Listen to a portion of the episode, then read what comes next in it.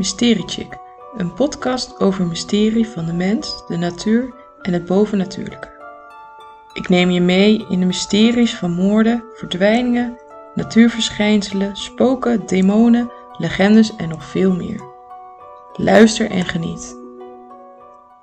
Wat leuk dat je luistert naar Mystery Chick. Vandaag aflevering 1. En ja, eigenlijk hoe toepasselijk. Het is vandaag 31 oktober en Halloween. Dus ik dacht, het is een mooi moment om te starten. Uh, ik zal me even voorstellen, ik ben Eileen en elke aflevering neem ik je mee in verschillende mysterieuze onderwerpen uh, en verschillende mysterieuze zaken enzovoort. Vandaag ga ik het hebben over Halloween en aansluitend heb ik dan nog een moord. Dus ga lekker luisteren en uh, geniet er lekker van. Mijn eerste verhaal gaat over Halloween, want ja, hoe kan het nou ook anders? Het is vandaag 31 oktober. Halloween is een feestdag die valt op 31 oktober. Traditioneel wordt Halloween vooral gevierd in Ierland, het Verenigd Koninkrijk, de Verenigde Staten en Canada. Inmiddels heeft het feest ook sterk aan populariteit gewonnen in andere delen van de wereld, met name Europa, Latijns-Amerika, Australië en Oost-Azië. Maar ik ga eerst nog eventjes terug naar de 5e eeuw voor Christus.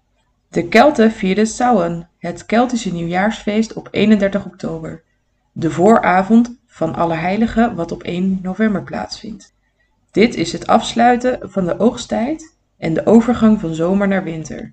De naam Halloween komt van All Hallow Evening, dat letterlijk betekent de avond voor alle heiligen. All Hallows Evening werd al snel verbasterd. Dat gebeurde eigenlijk als je het heel snel uitsprak. Tot Hallows Evening en Evening werd al snel Eing. Dus als je dat bij elkaar pakt, Hallow Eing. Wat uiteindelijk dus Halloween werd. Zo geloofden de Kelten ook dat op Samhain de deur naar de onderwereld een klein stukje open stond waardoor het voor de zielen van de doden en de andere wezens, zoals veeën, het mogelijk was om naar onze wereld te komen. Om deze zielen te eren werden grote feestmalen gegeven, waar de plekken vrij werden gehouden voor de mensen die overleden waren. Naast de zielen van de mensen die overleden waren, konden op deze dag ook slechte wezens als demonen door de deur komen, waar de Kelten zich tegen probeerden te beschermen door deze verschrikkelijke wezens af te schrikken. De Kelten maakten zichzelf zo weerzinwekkend mogelijk door zich te vermommen als demonen, heksen, gnomen en andere boosaardige wezens. Ze droegen maskers en oude vodden. Om de geest af te weren liepen ze met zoveel mogelijk herrie in en rond het huis. En vervolgens een optocht naar het grote vuur buiten het dorp. Ze staken bieten in de brand om de geest op afstand te houden en zetten voedsel bij de graven neer om de doden op het kerkhof te houden. De eerste immigranten, de nakomelingen van de oude Kelten, namen deze traditie in de 19e eeuw mee naar de Verenigde Staten. Maar ze moesten roeien met de riemen die ze hadden. Bieten waren in de VS niet te vinden. Popoenen waren daar wel ruimschoots in voorhand. En zo ontstond de traditie waarop 31 oktober popoenen worden uitgesneden en er lichtjes in worden geplaatst.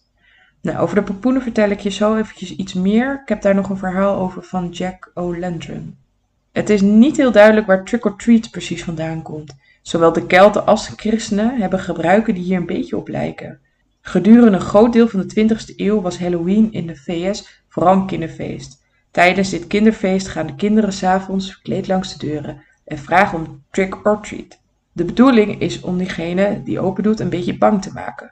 Vaak heeft de bewoner dan een snoepje in huis waaruit de kinderen kunnen kiezen. De huizen die deelnemen, die zijn herkenbaar aan de Halloween-versieringen. Denk aan de popoenen, denk aan uh, spoken. Nou, nu ga ik nog even vertellen over Jack O'Lantern. Wat misschien wel het bekendste onderdeel van Halloween is, zijn de uitgeholde popoenen. En daar is dan weer een oude Keltische zaag over. Stingy Jack, ook wel Gierige Jack genoemd, was een Ierse man. Hij bracht zijn avonden graag door in zijn stamkroeg. Jack stond in het hele land bekend als een bedrieger en manipulator. Op een nacht hoorde Satan het verhaal van Jack's slechte daden en zilveren tong. Satan was niet overtuigd en ook wel een beetje jaloers over de geruchten en ging op onderzoek uit, om te kijken of de reputatie klopte. Typisch voor Jack was hij weer dronken en dwaalde op het platteland. S'nachts zag hij iemand staan met een griezelige grimas op zijn gezicht. Het bleek Satan te zijn. Jack realiseerde zich somber dat dit zijn einde was. Satan was eindelijk gekomen om zijn kwaadaardige ziel te verzamelen. Dus Jack deed een laatste verzoek. Hij vroeg Satan om met hem een biertje te drinken, voordat hij naar Hades vertrok. Satan vond geen enkele reden om het niet te doen. Hij nam Jack mee naar de plaatselijke pub en voorzag hem van veel alcoholische dranken. Toen Jack zijn dorst gelest had, toen Jack zijn dorst gelest had, vroeg hij Satan om de rekening van het bier te betalen. Tot grote verbazing van Satan. Maar Jack overtuigde Satan om in een nieuwe munt te veranderen, waardoor hij de drankjes alsnog kon betalen. De duivel voerde zijn verzoek uit, waarna Stingy Jack de nieuwe munt in zijn zak stopte. Deze zak legde Stingy Jack naast een grote zilveren kruis. Hierdoor zat Satan vast. Pas toen hij Jack had beloofd om hem met rust te laten, liet Jack hem weer vrij. Tien jaar later botste Jack weer op de duivel, op een verlaten landweg. Om tijd te winnen vroeg hij hem nog één gunst: een appel uit de dichtstbijzijnde boom. Toen de duivel in de boom klom om een mooi exemplaar uit te zoeken, zag Jack zijn kans schoon om met zijn zakmes een kruis te kerven in de stam van de boom. Satan, gefrustreerd over het feit dat hij weer gevangen zat, eiste zijn vrijlating. Zoals Jack eerder deed, deed hij een eis: dat zijn ziel nooit door Satan meegenomen zou worden naar Hades. Satan stemde in en werd vrijgelaten.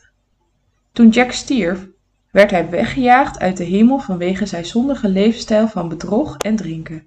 Jack ging toen naar de poorten van de hel en smeekte om toegang tot de onderwereld. Satan, die zijn verplichtingen jegens Jack vervulde, kon zijn ziel niet nemen. Jack was verdoemd om eeuwig te dolen en smeekte de duivel om een gloeiend kooltje, waarmee hij zijn lange en donkere weg kon verlichten. Die kreeg hij gelukkig nog en hij stak het in een uitgeholde raap. Zo had hij een lantaarn en begon aan zijn eindeloze zwerftocht op zoek naar een rustplaats die hij nooit zou vinden. Hij kreeg de bijnaam Jack met de lantaarn, Jack of the Lantern.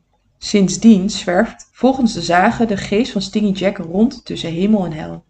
Om de boze geest en Stingy Jack buiten de deur te houden, holden de Ierse Kelten knollen uit en maakten er een lantaarn van. Tijdens Halloween zetten ze die bij de voordeur om de geest van Stingy Jack buiten te houden.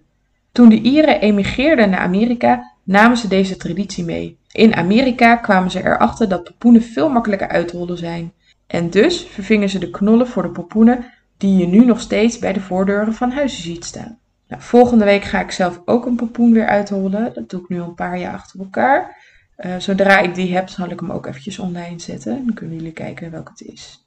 Het volgende verhaal gaat over Butcher of Plainfield. En dan ga ik het hebben over Edward Theodore Gay. Uh, ook wel Ed genoemd. Ik noem hem eigenlijk ook wel het hele verhaal Ed.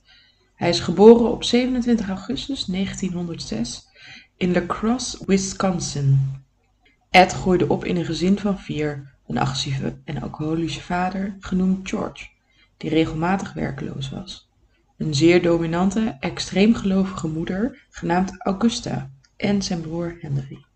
Henry stierf al in 1944 op jonge leeftijd onder mysterieuze omstandigheden tijdens een brand in de buurt van de boerderij van een familie in Plainfield. En het is nooit duidelijk geworden of Ed verantwoordelijk was voor zijn dood. Hoewel Ed de politie vertelde niets te weten van de hele gebeurtenis, leidde hij de politie toch direct naar het lichaam van Henry. Ondanks de kneuzingen die ontdekt waren op het hoofd van het slachtoffer, uh, werd de dood onderzocht en kwamen ze eruit dat het toch een ongeluk was. Dus het is nog steeds niet helemaal duidelijk of Ed er iets mee te maken heeft gehad. Tijdens zijn jeugd had zijn moeder grote invloed op Ed. Ze was zeer gelovig en ze las elke dag voor uit het Oude Testament over dood, moord en de straf van God voor het slechte wat een mens doet. Zijn vader en broer kwamen te overlijden, zodat Ed toen in 1945 ook zijn moeder overleed, er helemaal alleen voor stond. Op school was Ed een buitenbeentje. Hij had een gemiddeld IQ. Hoewel hij niet dom was, werd hij op school gepest en gemeden. Zijn moeder, die hem elke dag voorlas uit het Oude Testament, vond het prima. Ze wilde niet dat hij met zijn klasgenoten omging. Wanneer dit wel probeerde, schold zijn moeder hem uit en kleineerde hem. Hij werd tijdens zijn jeugd veel gepest. Hierdoor was het sociaal-emotioneel niet goed ontwikkeld. De agressie van zijn moeder kwam hier ook nog eens bij. Omdat Ed door zijn moeder, met wie hij een haat-liefdeverhouding had, afhankelijk was gemaakt, huilde hij als een kind op haar begrafenis. Na de begrafenis timmerde hij de ramen en deuren van de bovenverdieping, de woonkamer en, de en zijn moeders slaapkamer dicht. Hij leefde in de andere slaapkamer, de keuken en de grote schuur. Na haar dood werd hij steeds gestoorder. Nu hij alleen woonde, verliet hij haar kamer heel netjes en onaangeroerd, terwijl de rest van het huis echt een bende werd. Overal stapels afval, uh, meubels op elkaar gelegd, uh, on onopvallende voorwerpen, allemaal stof bij elkaar. Het was eigenlijk gewoon een enorme bende. Op latere leeftijd bracht de eenzaamheid Ed tot waanzin. Hij wilde zijn moeder graag terug uit de dood halen en begon studies te doen over anatomie. Ook las hij boeken over experimenten in concentratiekampen in de Tweede Wereldoorlog. Toen las hij in de krant dat er die dag een vrouw begraven was.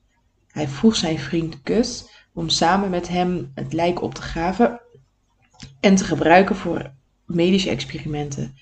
De volgende tien jaar deed hij hetzelfde. Iedere dag keek hij in de krant voor overledene vrouwen, om ze dan in de nacht op te graven. Hij gebruikte de huid en de botten voor allerlei voorwerpen en de spieren en organen bewaarde hij in de koelkast om later op te eten. Ed had nog geen enkele seksuele ervaring en verwarde zijn gevoelens voor het vrouwelijke met de wens tot zelfvrouw te worden. Hij dacht erover om zichzelf te castreren, maar besloot tenslotte dat een pak vrouwenhuid met borsten en een vagina hem voldoende vrouwelijk maakte.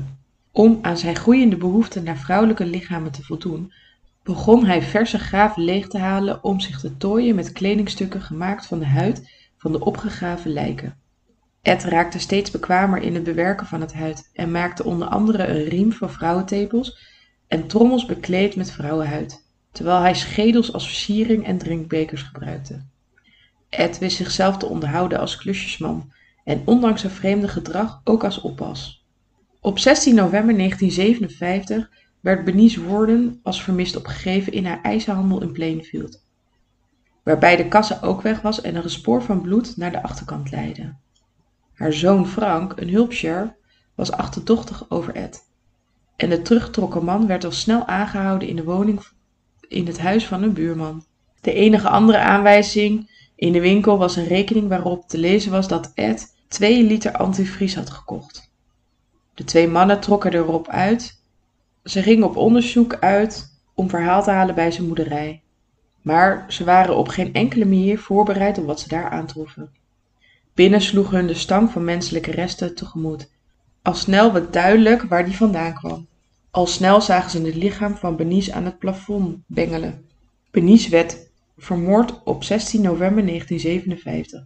Nader onderzoek van zijn huis toonde aan dat hij systematisch graven had beroofd en lichaamsdelen had verzameld, die hij gebruikte om huishoudelijke artikelen, kleding en maskers te maken.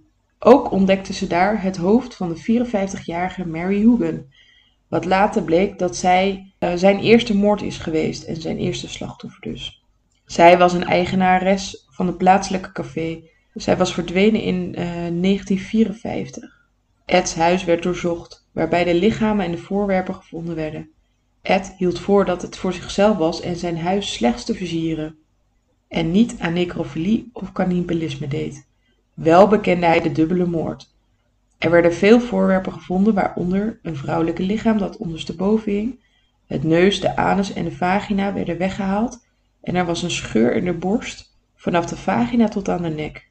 Twee scheenbenen, vier menselijke neuzen, een trommel van vrouwenhuid, kommen gemaakt van schedels, negen maskers van echte mensenhuiden, tien vrouwenhoofden waarvan de bovenkant afgezaagd waren, een schoenendoos met negen gelooide vagina's waaronder dan die van zijn moeder, een hangende mensenhoofd, twee gekrompen hoofden, twee schedels op zijn bed, twee lippen hangend aan een touw en het hart van een van zijn slachtoffers. De politie verdacht hem van nog meer moorden, aangezien de negen gelooide vagina's niet aan de begraven lijken gekoppeld kon worden, maar ze konden verder niks bewijzen. Ed werd mentaal ongeschikt verklaard om terecht te staan en werd naar het staatsziekenhuis in Wisconsin gestuurd, in 1968 werd Ed gezond genoeg geacht om terecht te staan, maar een rechter achtte hem uiteindelijk schuldig wegens krankzinnigheid en hij bracht de rest van de dagen door in de staatsfaciliteit. Op 26 juli 1984 stierf hij in de Wupan State Hospital. Hij werd 77 jaar oud en hij stierf aan kanker. Omdat hij minder dan drie moorden heeft gepleegd, kan hij niet worden gedefinieerd als seriemoordenaar.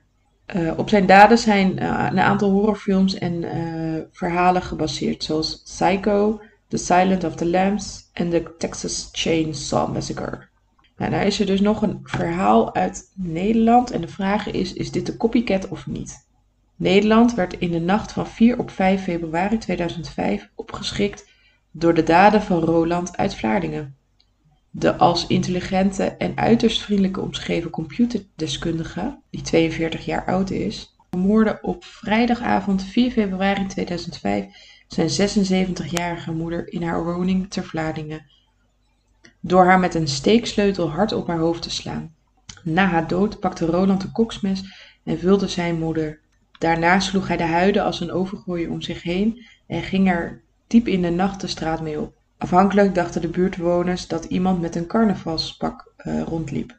Pas anderhalf uur later kwam hij bij de politie in het vizier toen hij op een drukke kruispunt bijbelteksten stond te schreeuwen en het verkeer aan het regelen was. Roland zou later volkomen ontoerekeningsvatbaar worden verklaard. Hij kreeg geen celstraf, maar wel TBS. En hierbij ben ik eigenlijk aan het einde gekomen van het verhaal over The Butcher of Plainfield. Dit was het alweer voor vandaag. Nou, de volgende keer weer een nieuwe aflevering met een nieuw onderwerp. Mocht je vragen hebben of suggesties of gewoon eventjes me willen zeggen, het is allemaal prima. Je kan me volgen op uh, Instagram en Facebook. En uh, tot de volgende aflevering weer. Doei doei!